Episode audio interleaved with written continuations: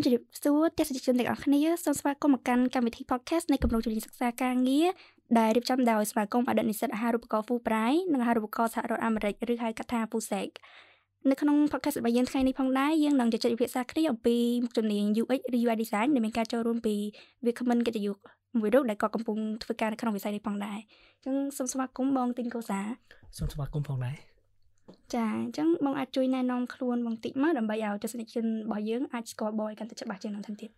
អឺសួស្តីអ្នកទាំងអស់គ្នាជាពិសេសសម្រាប់និស្សិតដែលបានចូលរួមក្នុងកម្មវិធីនេះផងដែរអញ្ចឹងសម្រាប់ខ្ញុំបាទឈ្មោះ Tin Koza ហើយខ្ញុំក៏ជាអ្នកចាត់ចែងទូទៅនៅ team Kubin Studio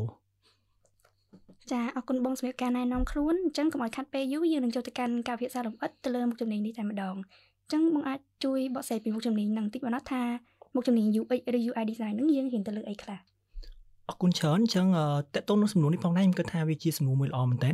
គឺតកតូនលើជំនាញទៅលើខាង UX ឬក៏ UI design នេះផងដែរវាគឺជាផ្នែកមួយដែលសំខាន់មែនតើហើយនៅក្នុងខាង UX ហ្នឹងគឺជាជំនាញមួយដែលយើងមានពាក្យពេញថាខាង user experience ហ្នឹងគឺគេផ្ដោតសំខាន់ទៅលើតកតូននឹងការរចនាទៅលើបទពិសោធន៍របស់អ្នកប្រើប្រាស់ហើយតកតូនមួយខាង UI design ហ្នឹងដែលយើងមានពាក្យពេញថា user interface ហ្នឹងគឺគេផ្ដោតសំខាន់ទៅលើការរចនាទៅលើ interface ទៅលើ product ផងដែរអញ្ចឹងខ្ញុំសូមបញ្ជាក់បន្តិចបងផ្នែក UX design និង UI design ហ្នឹងវាខុសគ្នាទៅលើចំណុចណាខ្លះ អូខេអញ្ចឹងតកតងទៅលើសំណួរនេះផងដែរគឺខ្ញុំអាចនិយាយបានថាទៅលើខាងវិស័យទៅលើខាង UX ឬក៏ខាង UI design គឺមានភាពខុសគ្នាច្រើនមែនតើអញ្ចឹងខ្ញុំអាចនឹងនិយាយពីចំណុចទី1គឺតកតងនឹងខាង UI អញ្ចឹងតកតងមួយ UI ដូចខ្ញុំបានប្រាប់ពីកន្លងមកអញ្ចឹងគឺ UI ពាក្យពេញរបស់វាគឺតកតងនឹងខាង user interface អញ្ចឹងតកតងមួយការទៅលើ user interface ហ្នឹងគឺជាការដែលយើងផ្ដោតសំខាន់ទៅលើការរចនាទៅលើផ្ទាំងខាងមុខដែលយើងបានឃើញទៅលើតកតងនឹងទៅលើ mobile app ឬក៏ជា website ហើយហើយនៅក្នុងនៅក្នុងនេះផងដែរក៏យើងព្យាយាមធ្វើមិនក៏ដោយគឺដែលគេត្រូវ focus ទៅលើទៅនឹងការប្រើ font ក៏ដូចជារូបភាពដែលយើងដាក់ទៅក្នុង app ឬក៏ website ហ្នឹងឬក៏ជាប្រភេទទៅលើការ design ផ្សេងៗដែលជួយឲ្យយើងអាចមើលទៅឃើញ mobile app ហ្នឹងឬក៏ជា website ហ្នឹងគឺមានភាពស្រស់ស្អាត ហើយតកតងមួយខាង UX វិញដែលយើងពាក្យពេញរបស់តកតងមួយ UX ហ្នឹងគឺពាក្យពេញរបស់វាគឺតកតងនឹង user experience ហ្នឹងគឺវាគឺជាការរចនាមួយ ដែលផ្ដោតសំខាន់ទៅលើការបទពិសោធន៍ទៅលើរបស់អ្នកប្រើប្រាស់ទៅលើ product នឹងផ្ទាល់អញ្ចឹងអ្នកការរចនាទៅលើ product ជាមួយបទពិសោធន៍ហ្នឹងគឺតម្រូវឲ្យការអ្នកដែលគាត់ជា designer ខាង UI design ហ្នឹងគឺត្រូវការធ្វើការ research ច្រើនហើយស្វែងយល់ពីរបៀបក្នុងការដែលអាចធ្វើមិនក៏ដោយដើម្បីអាចជួយដោះស្រាយបញ្ហាដើម្បីឲ្យ product ដែលគាត់ប្រើហ្នឹងមិនថាជា mobile app ឬក៏ website ហ្នឹងគឺមានភាពងាយស្រួលហើយផ្ដល់ភាព convenient ច្រើនទៅដល់អ្នកប្រើប្រាស់ផងដែរចាអញ្ចឹងបានន័យថា UX design ហ្នឹងគឺយើងផ្ដោតទៅលើអឺ experience like អារម្មណ៍បានន័យថាពេលយើងប្រើ app ឬក៏ website ហ្នឹងទៅ វាងាយស្រួលក្នុងការប្រើប្រាស់ដល់ពេលខាង UI design យើងផ្ដោតទៅលើរូបភាពថា mobile app ឬក៏ website ហ្នឹងវាស្អាតអត់ហ្នឹងហើយតាមត្រូវអញ្ចឹងបើសិនបើខ្ញុំអាចលើកជាឧទាហរណ៍មួយព្រោះថាខ្ញុំគិតថាប្រហែលជាពេលខ្លះគឺយើងអាចនឹងពាក្យពេចន៍ឬការប្រើប្រាស់ប្រហែលជាពិបាកយល់ដោយសារជំនាញហ្នឹងរៀងថ្មីអញ្ចឹងបើសិនបើខ្ញុំអាចលើកឧទាហរណ៍មួយដែលជាភាពជាក់ស្ដែងវិញគឺសម្រាប់ទៅលើខាង UX ជាមួយ UI ហ្នឹងវិញអញ្ចឹងយើងអាចមើលទៅលើទៅទៅនឹងខាងកែវកាហ្វេមួយចុះបើសិនបើយើងពេលយើងឃើញកែវកាហ្វេមួយយើងឃើញភាពស្រស់ស្អាតរបស់កែវកាហ្វេហ្នឹងអញ្ចឹងអញ្ចឹងអាហ្នឹងគឺជា UI ប៉ុន្តែពេលយើងកាន់ទៅលើកែវកាហ្វេហ្នឹងហើយយើងបានផឹកទៅលើកាហ្វេហ្នឹងជាមួយនឹងដូចកាហ្វេហ្នឹងផឹកទៅឆ្ងាញ់ហើយការកាន់ទៅលើកែវកាហ្វេងាយស្រួលនឹងគឺជាខាង UX ជាពាក្យពេញថា user experience ផងដែរ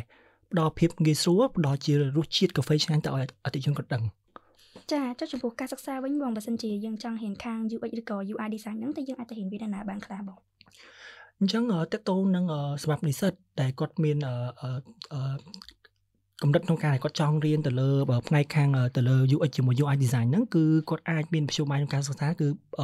ច្រើនមែនតើទីមួយបងអាចនិយាយថាយើងគាត់អាចរៀនខ្លួនឯងបានគាត់អាចរៀនតាមជា website online មួយចំនួនដែលគេបានផ្ដល់ដាក់ទៅឲ្យយើងហើយអញ្ចឹងយើងអាចរៀនអនឡាញខ្លួនឯងបានហើយទី2ក៏គាត់អាចរៀននៅតាមបណ្ដាមហាវិទ្យាល័យឬក៏ជាប្រភេទខុសខ្លីៗដែលយើងបាននៅសាលាយើងនៅស្រុកខ្មែរបានបរៀនឲ្យយើង ហើយទី3ផងដែរគឺសិស្សនិស្សិតក៏គាត់អាចចូលទៅរៀនជាលក្ខណៈប្រភេទជា internship នៅក្នុងក្រុមហ៊ុនដែលគាត់ផ្ដល់ជាសេវាកម្មឬក៏ផ្នែកនឹងផងដែរបានន័យថាអឺយើងអាចសិក្សាមុខជំនាញហ្នឹងបានតាម3វិធីទី1គឺយើងសិក្សាដោយខ្លួនឯងតាមប្រព័ន្ធអនឡាញទី2គឺយើងសិក្សាទៅតាមសាកលវិទ្យាល័យហើយទី3យើងអាចអអឺរៀនវានៅពេលដែលយើងកំពុងតែធ្វើ internship ចឹងតើតោងនឹងផ្នែកសាកលវិទ្យាល័យតើបច្ចុប្បន្នហ្នឹងមានសាកលវិទ្យាល័យណាខ្លះដែលគាត់មានបរិញ្ញាមុខជំនាញហ្នឹងបង អរគុណសម្រាប់សំណួរចឹងទៅតូនសម្រាប់ទៅលើសកលវិទ្យាល័យឬក៏ជាផ្នែកដែលអឺដែលយើងអាចរៀនទៅលើផ្នែកខាងទៅលើ UX ជាមួយ UI design នេះផងដែរគឺខ្ញុំគិតថាពីអ្វីខ្ញុំដឹងហ្នឹងគឺទៅតូននៅសាលាគឺយើងមានជាបណ្ដាមហាវិទ្យាល័យច្រើនមែនទែននៅស្រុកខ្មែរដែលគាត់ផ្ដល់ជាចំណេះដឹងខាង UX ជាមួយ UI design ហ្នឹងគឺយើងអាចរៀនបាននៅតាមសាកលវិទ្យាល័យរដ្ឋមួយចំនួនដែលយើងធ្លាប់ឃើញដូចជាភូមិន្ទសាលាភូមិន្ទយើងភ្នំពេញហ្នឹងហើយយើងអាចរៀននៅតាមសាលាផ្សេងទៀតដូចជានៅខាង IT Step Academy ក៏គាត់ផ្ដល់ជាចំណេះដឹងទៅលើការសិក្សាទៅលើខាង UX UI នឹងផងដែរហើយយើងក៏អាចរៀននៅសាលាមួយទៀតដែលយើងមានឈ្មោះថា Tough Global ហើយក៏ដូចជា course ទៅរៀនតាម online course មួយចំនួនពីខាង Google អីផងដែរចាអឺចុះសម្រាប់រយៈពេលសិក្សាបងតើអឺយើងត្រូវការចំណាយពេលប្រហែលជាប្រហែលខែដើម្បីរៀនមុខជំនាញហ្នឹងឯចា៎ អូតកតងមួយសម្រាប់ទៅលើតកតងនឹងរយៈពេលវិញទៅលើជំនាញនេះផងដែរគឺដោយសារតកតងនឹងខាងជំនាញជាមួយនឹងខាង UX ជាមួយ UI design នេះវារៀងជាជំនាញមួយដែលពិបាកបន្តិចមើលទៅវាជាជំនាញថ្មីហើយពិបាកមែនតើអញ្ចឹងសម្រាប់អ្នកគាត់ចង់រៀនទៅលើជំនាញផងដែរគឺបើសិនបើយើងគាត់ចង់រៀនពីកម្រិតដំបូង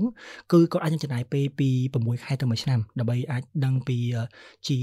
ព័ត៌មានដំបូងក្នុងការដែលយកគាត់រៀនទៅលើវិស័យហ្នឹងប៉ុន្តែបើសិនបើគាត់ចង់ទៅ រៀនជំនាញហ្នឹងឲ្យកាន់តែស៊ីជម្រៅបន្ថែមទៀតគាត់អាចនឹងរៀនពី2ឆ្នាំទៅ4ឆ្នាំដើម្បីឲ្យគាត់កាន់តែស៊ីជម្រៅលើជំនាញហ្នឹងផងដែរចាអរគុណបងអញ្ចឹងសម្រាប់មូលដ្ឋានគ្រឹះវិញតើមុខជំនាញហ្នឹងតម្រូវឲ្យយើងត្រូវចេះភាសាអង់គ្លេសចេះប្រើកុំព្យូទ័រឬមួយក៏តើតា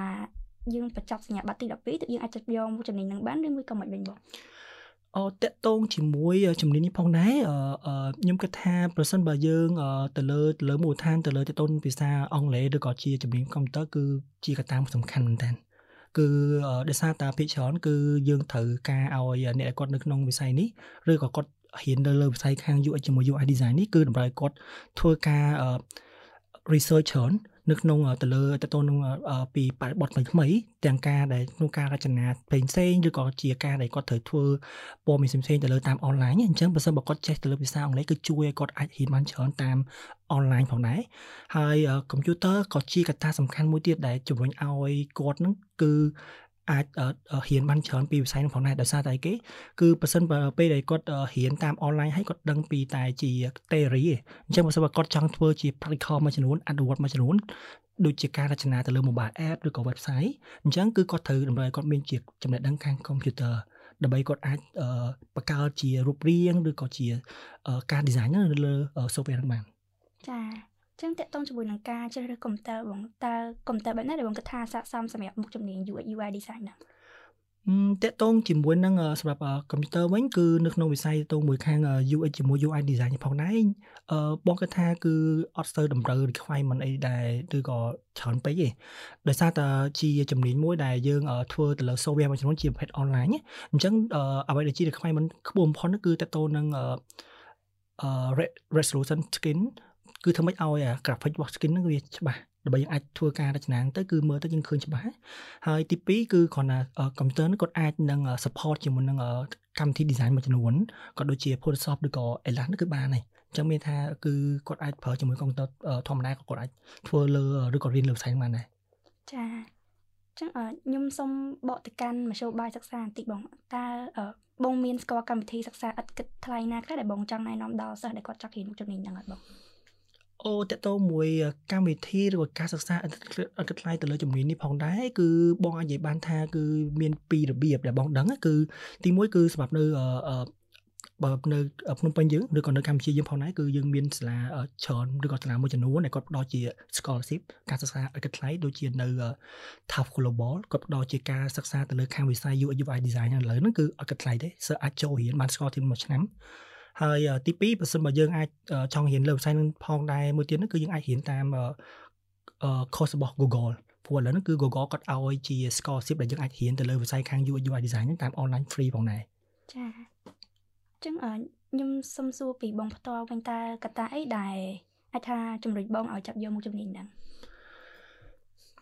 អឺសម្រាប់តទៅមួយកត្តាដែលធំធំដែលជំរុញឲ្យខ្ញុំចាប់យកការសិក្សាទៅជំនាញនេះផងដែរគឺទីមួយខ្ញុំអាចនិយាយថាដោយសារតែការពេលខ្ញុំនៅពងរៀនហ្នឹងគឺខ្ញុំចូលចិត្តការរចនារៀងខ្លាំងគឺខ្ញុំចូលចិត្តធ្វើទៅលើការ design ខ្លាំងហើយបន្ទាប់នេះផងដែរក៏ខ្ញុំចូលចិត្តទៅលើវិស័យទៅទៅនឹងបច្ចេកវិទ្យាផងដែរហើយអញ្ចឹងនៅក្នុងវិស័យទៅទៅនឹងខាង UX UI design នេះគឺតម្រូវឲ្យយើងចូលចិត្តទៅការ design ខ្លាំងមែនតើហើយបន្ទាប់ពីហ្នឹង ផងដែរនៅចំណុចទី3នោះគឺដោយសារខ្ញុំចូលចិត្តផ្នែក research អញ្ចឹងគឺធ្វើលើខាង UI UI design នេះគឺតកតង research គឺត្រូវមកព្រោះថាការ research ច្រើនទៅលើតកតងការ design ហ្នឹងហើយកត្តាផ្សេងទៀតផងដែរដែលដែលធ្វើខ្ញុំចូលចិត្តទៅលើវិស័យឬក៏ធ្វើខ្ញុំជំរុញខ្ញុំចូលទៅវិស័យហ្នឹងគឺតកតងនឹងយើងជាបុគ្គលមួយឬក៏ជាចូលចិត្តដោះស្រាយលើបញ្ហា អញ្ចឹងទៅទៅមួយខាង UI UI design នេះគឺយើងភាគច្រើនគឺយើងរាល់ការដែលយើងរចនាឬក៏ការយើង design ទៅលើ app នោះគឺយើងព្យាយាមដោះស្រាយបញ្ហានឹងផងដែរចាអញ្ចឹងអឺដូចដែលបងបាននិយាយពីខាងលើមកថាមុខជំនាញ UX UI design ហ្នឹងនៅខ្មែរគឺអត់សូវតន់មានអ្នកស្គាល់ហ្មងទេអញ្ចឹងពេលដែលបងទៅស្គាល់មុខជំនាញហ្នឹងដំបូងតើបងបានដឹងពីវាតាមណាវិញបង តកតងនៅមួយជំនាញនេះផងដែរបើសិនបើបើមើលពីស្របបងគឺអាចថា7ឆ្នាំទៅ8ឆ្នាំមុនហ្នឹងគឺនៅលើជំនាញនេះផងដែរតកតងមួយខាង UX ជាមួយ UI design នេះគឺអត់សូវមានគេអ្នកគេស្គាល់ទេហើយក៏អត់សូវមានអ្នកគាត់ដឹងនៅខ្មែរយើងដែរអញ្ចឹងស្របបងគឺបងដឹងពីព័ត៌មានហ្នឹងតាមពេលដែលបងចូលទៅធ្វើការដំបូង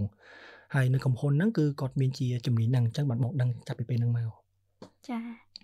ចឹងមានន័យថាមុនពេលដែលបងចាប់យកមុខជំនាញ UX UI design ហ្នឹងគឺបងបានរៀនផ្នែក IT ហើយហីហ្នឹងហើយចាចុះបើសិនជាសិស្សផ្សេងដែលគាត់អត់បានរៀនមុខជំនាញព័ត៌មានវិទ្យាហ្នឹងហើយគាត់ចង់ចូលរៀនមុខជំនាញ UI UX UI design ហ្នឹងព្រាមហ្មងបានអត់បងដូចជាអត់សិនបញ្ហាទេអឺបងគិតថាអឺ ទោះជាគាត់អត់បានរៀននៅក្នុងវិស័យបច្ចេកវិទ្យាឬក៏ IT ហ្នឹងក៏គាត់អាចនឹងអឺឲ្យតែគាត់រៀននៅក្នុងផ្នែកផ្សេងៗឬក៏ជំនាញមួយចំនួនដែលតទៅជាមួយនឹងការរចនាក៏គាត់អាចនឹងចូលទៅក្នុងវិស័យនោះផងបានផងដែរចាចាអឺបងគិតថាមុខជំនាញ UX UI design ហ្នឹងវា មានចំណុចពិសេសអីខ្លះដែលគួរឲ្យតាក់ទាញសម្រាប់សិស្សឬក៏សម្រាប់បងផ្ទាល់ សម្រាប់ខ្ញុំផងដែរខ្ញុំគិតថាគឺសម្រាប់ទៅអ្នកគាត់នៅក្នុងវិស័យ UX UI design ផងដែរខ្ញុំគិតថាមានចំណុចពិសេសច្រើនមែនតើដែលសិស្សឬក៏គាត់ជានិស្សិតហ្នឹងគួរតែដែលគាត់អាចឲ្យគាត់មានចំណាប់អារម្មណ៍ឬផ្ដល់ភាពតាក់ទាញហ្នឹងគឺទី1ដោយសារយើងដឹងគឺឥឡូវហ្នឹងគឺជាយុគសម័យមួយដែលគេផ្ដោតសំខាន់ទៅលើ technology ដែលយើងអាចនិយាយថាជាបច្ចេកវិទ្យាហ្នឹងអញ្ចឹងភាគច្រើនគឺ staff បានទាំងអស់ហ្នឹងគឺតម្រូវឲ្យមានការដែលគាត់ធ្វើបរិបទក្នុងការរចនាទៅលើមិនថាជា mobile app ឬក៏ website ហ្នឹងគឺល្អមែនតើអញ្ចឹងវិស័យនេះគឺជាវិស័យមួយដែលជួយឲ្យការរចនាទៅលើ mobile app ឬក៏ website ហ្នឹងគឺអាចនឹងល្អជាងមុនបានច្រើនមែនតើទី2វាជាជំនាញមួយដែលដល់ការច្នៃប្រឌិតនឹងទទួលនឹង logic ច្រើន អញ្ចឹងបើសិនបើ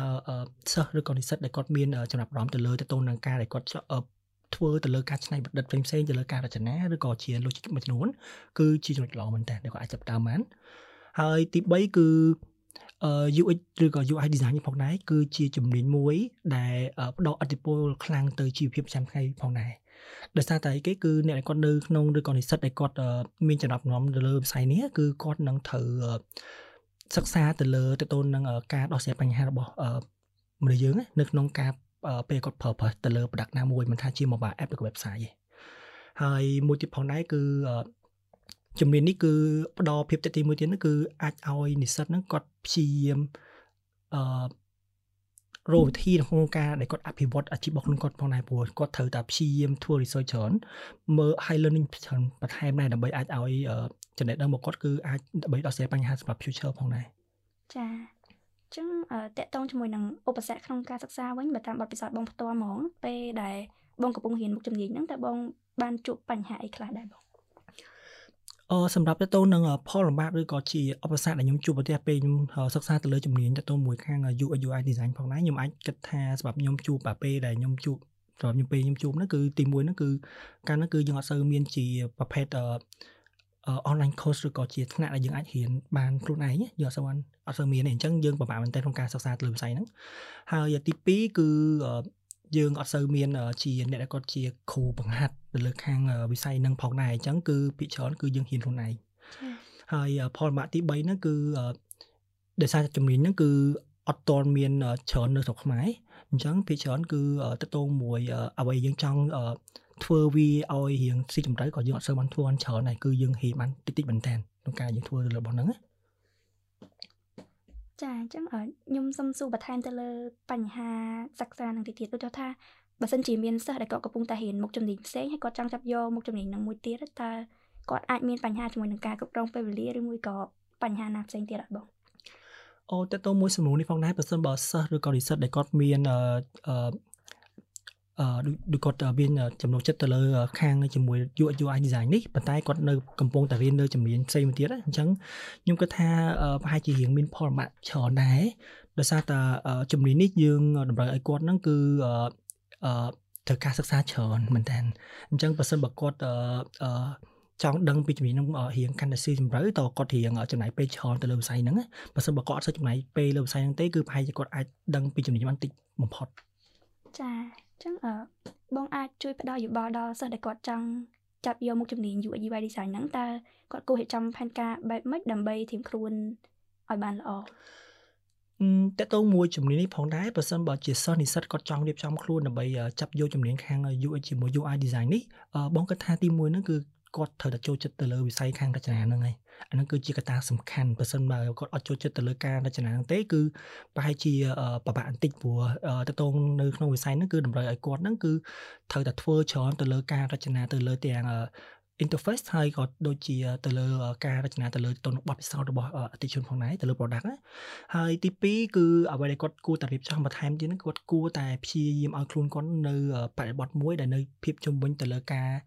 design ផងដែរមានថាជាការរចនាមានថាគាត់ព្យាយាម ចូលរួមជាសិក្ខាសាលាទៅមួយការរចនាឬក៏ចូលរួមជាមួយនឹងប្រភេទផ្សេងៗទៅ event ដែលទៅមួយខាង design អញ្ចឹងណាហ្នឹងជាផ្នែកមួយដែលគាត់ដែលគាត់គួរតែរៀបចំដែរហើយទី3នេះគឺដែលជាកត្តាសំខាន់ផងដែរគឺ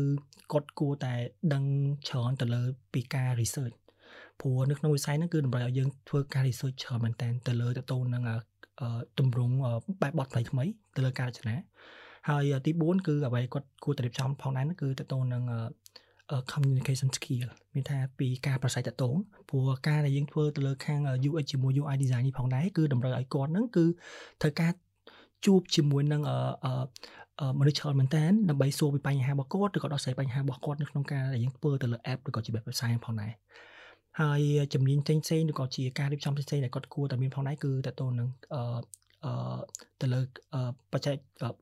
ទៅលើការ writing skill មានថាជាការសរសេរផងដែរព្រោះពេលខ្លះយើងត្រូវគាត់ជាបុគ្គលមួយត្រូវការសរសេរច្រើន note ច្រើនទៅលើបញ្ហាផ្សេងៗអញ្ចឹងគាត់ត្រូវចេះទៅលើ skill សម្រាប់ writing ផងដែរ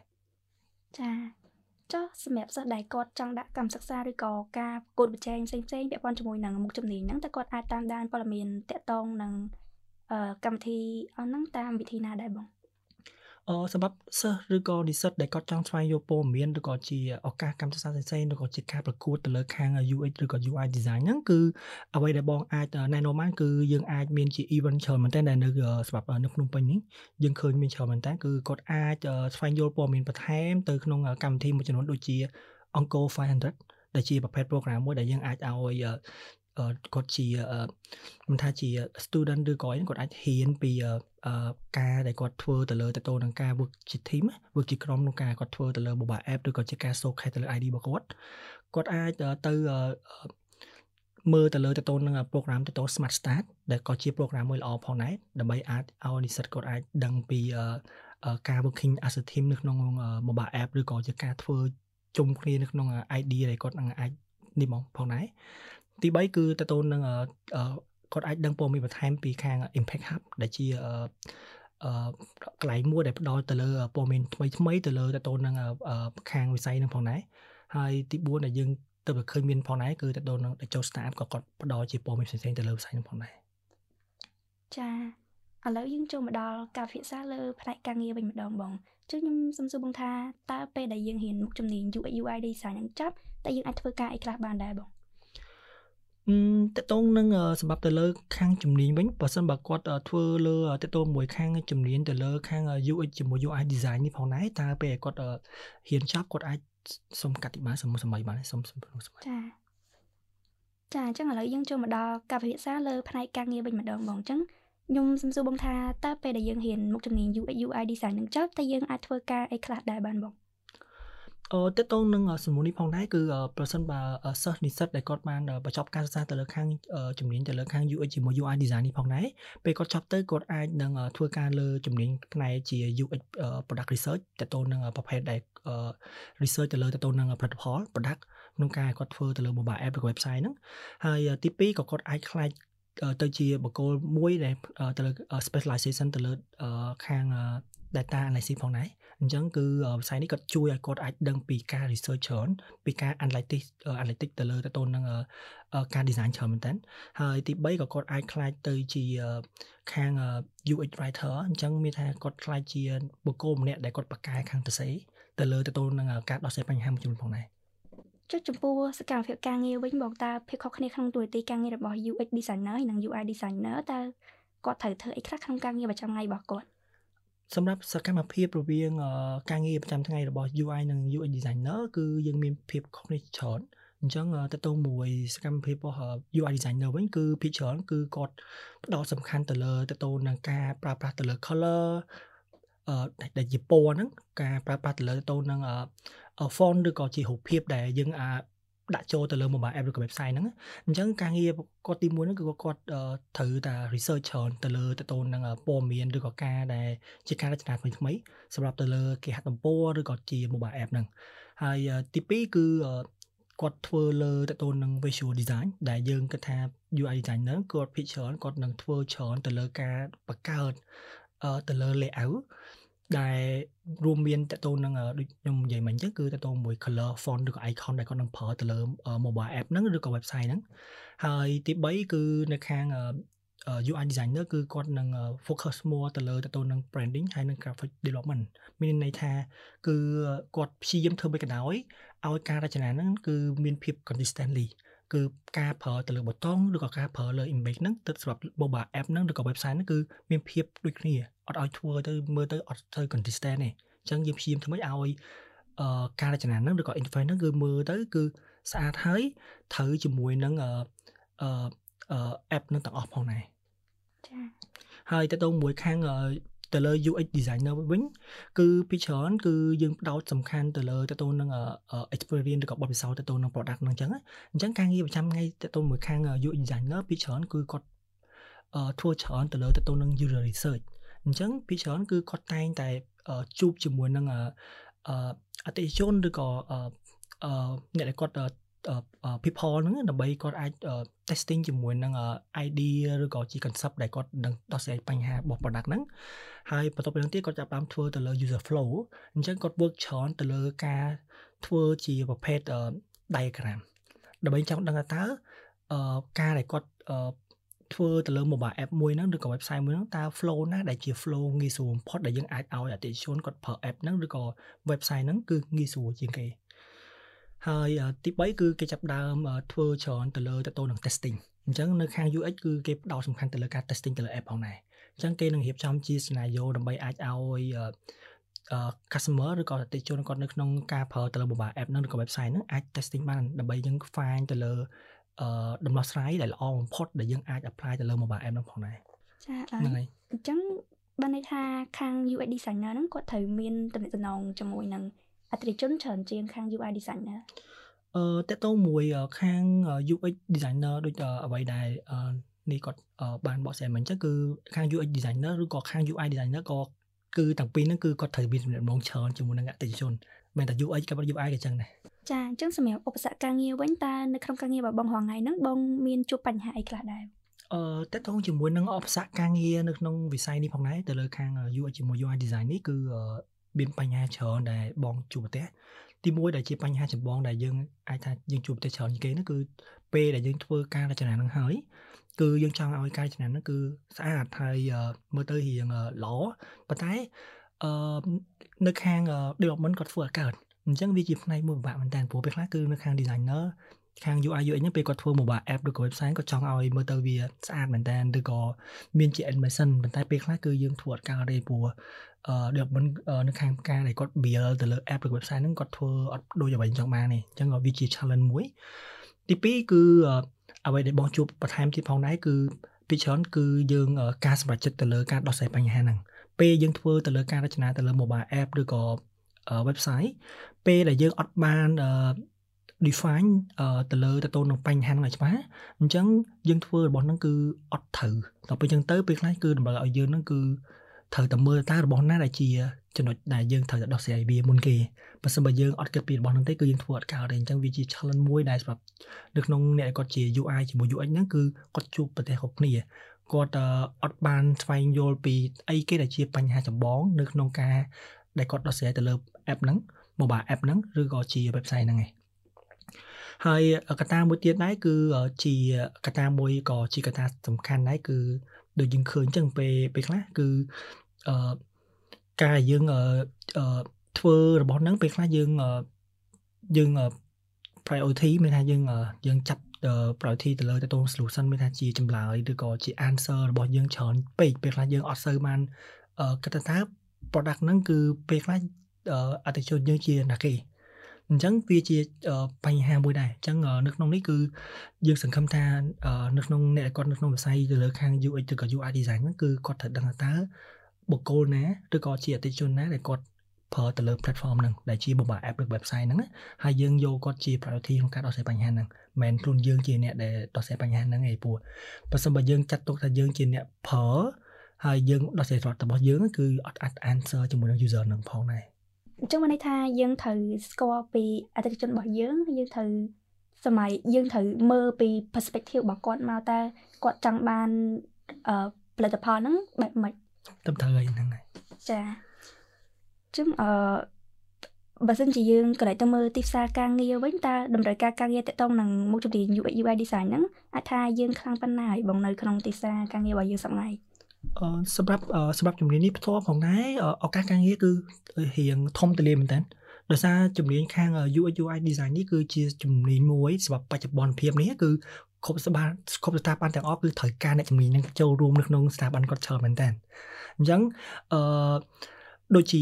យើងកលេចមើលទៅគឺយើងឃើញគឺមិនថាពីច្រើននៅក្នុងកំហ៊ុនដែលគាត់ជាប្រភេទកំហ៊ុន technology គឺត្រូវការអ្នកគាត់ចេះខាង UI UI design ច្រើនណាស់ហើយឥឡូវយើងដូចយើងធ្លាប់ប្រើទៅលើតងមួយ app មួយចំនួនដែលគាត់ជាប្រភេទធនាគារកីហ្នឹងក៏គាត់ត្រូវការអ្នកវិស័យខាង UI UI design ផងដែរចាអញ្ចឹងអឺសម្រាប់អ្នកដែលគាត់ទៅចាប់ផ្ដើមការងារក្នុងវិស័យហ្នឹងទៅបងតើគាត់គួររំពឹងទុកប្រាក់ខែពីចន្លោះប្រមាណដល់ប្រមាណដែរបងអូតើតោងជាមួយប្រាក់ខែបើសិនបើគាត់ start នៅក្នុងជំនាញហ្នឹងអឺខ្ញុំខ្ញុំគាត់ថាគឺអឺពីច្រើនគឺ depend ទៅលើទៅទៅនឹង staff បានគាត់ ធ្វើការនៅនឹងដែរព្រោះពេលខ្លះគឺ staff បានខ្លះគឺទៅទៅជំនាញហ្នឹងគឺរៀងប្រាក់ខែច្រើនហ្នឹងទៅតែ staff បានខ្លះគឺអាចនឹងមានកម្រិតមួយចឹងទៅអញ្ចឹងកន្លែងហ្នឹងគឺប្រហែលជារៀងពិបាកនិយាយដែរប៉ុន្តែគាត់ថាអឺអ្វីដែលខ្ញុំឃើញជាក់ស្ដែងបច្ចុប្បន្ននៅក្នុងវិស័យហ្នឹងគឺនៅខាង UX ជាមួយ UI design ហ្នឹងគឺតទៅនឹងប្រាក់ខែគឺយើងរៀងឃើញច្រើនជាងគេដែរដែលខ្ញុំអត់អាចប្រាប់ពីតួលេខច្បាស់លាស់បានទេព្រោះវាអឺ depend ទៅលើ staff បានគាត់ apply ផងដែរចាអញ្ចឹងសម្រាប់បងផ្ទាល់តើបងគិតថាមនុស្សប្រភេទណាដែលស័ក្តិសមនឹងធ្វើការលើមុខជំនាញ UX UI design ហ្នឹងអឺសម្រាប់តតងជាមួយនឹងបុគ្គលិកលក្ខណៈទៅលើតតងតើបុគ្គលណាដែលគាត់គួរតែឬក៏អាចចូលក្នុងជំនាញហ្នឹងបានណាអឺបងគាត់ថាទីមួយគឺគាត់ជាប្រភេទបុគ្គលមួយដែលចូលចិត្តដោះស្រាយបញ្ហា តែយើងអាចនិយាយថាជាភាសាអង់គ្លេស problem solver ហ្នឹងគឺគឺសំខាន់មែនតើហើយទី2គឺគាត់ជាបុគ្គលមួយដែលចូលចិត្តទៅលើការសិក្សាចំណេះដឹងថ្មីថ្មីព្រោះដោយសារតែវិស័យនេះគឺតម្រូវគាត់ហ្នឹងគឺត្រូវតែមើលទៅលើ trend ច្រើនមែនតើអញ្ចឹងគាត់ត្រូវតែជាបុគ្គលតែ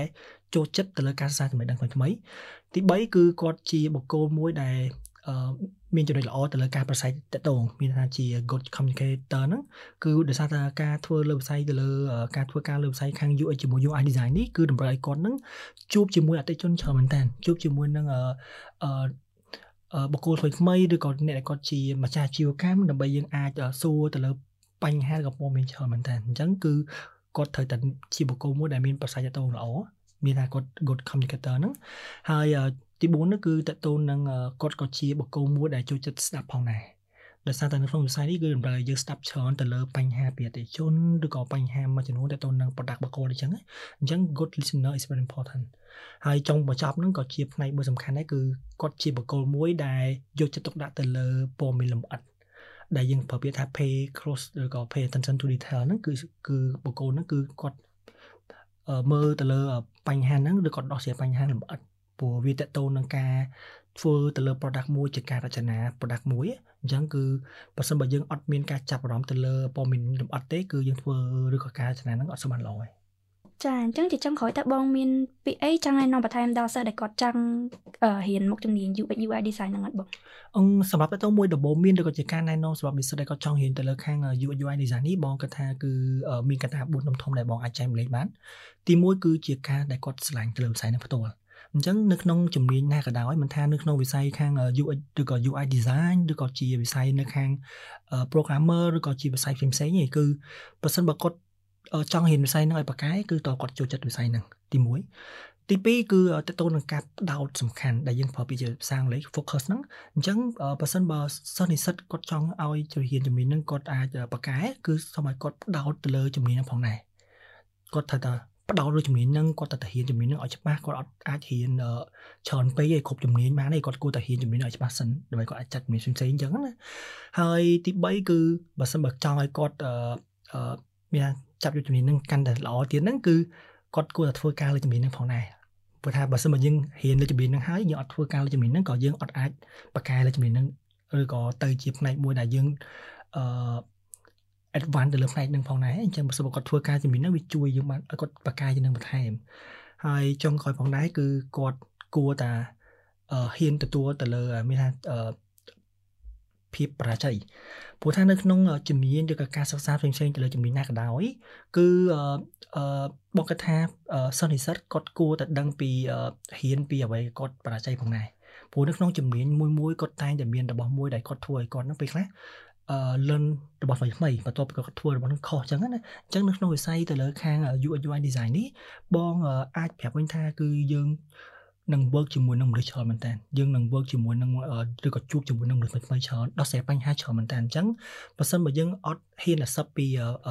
កត្តាមួយចំនួនដែលធ្វើឲ្យយើងបរាជ័យទេគឺយើងអត់អាចហ៊ានឲ្យថ្មីបានទេចា៎អញ្ចឹងសម្រាប់នៅបងមានប៉ុណ្ណឹងអរគុណច្រើន ចាអញ្ចឹងដោយសារតែពេលវេលាយើងមានកំណត់ខ្ញុំសូមអរគុណដល់បងកូសាដែលបានចំណាយពេលផ្ដល់បទសម្ភាសន៍ទាក់ទងនឹងមុខជំនាញ UX UI design នេះហើយក៏សូមអរគុណដល់ទស្សនិកជនទាំងអស់គ្នាដែលបានចូលរួមស្ដាប់នៅ podcast នេះតាំងពីដើមរហូតដល់ចប់ហើយយើងសង្ឃឹមថា podcast នេះនឹងអាចជួយដល់សិស្សានុសិស្សដែលកំពុងតែត្រៀមប្រឡងសញ្ញាបត្ររយៈភូមិឆ្នាំហ្នឹងឲ្យបានយល់ដឹងកាន់តែច្បាស់ពីមុខជំនាញ UX UI design នេះផងដែរចាអរគុណបងជំរាបលា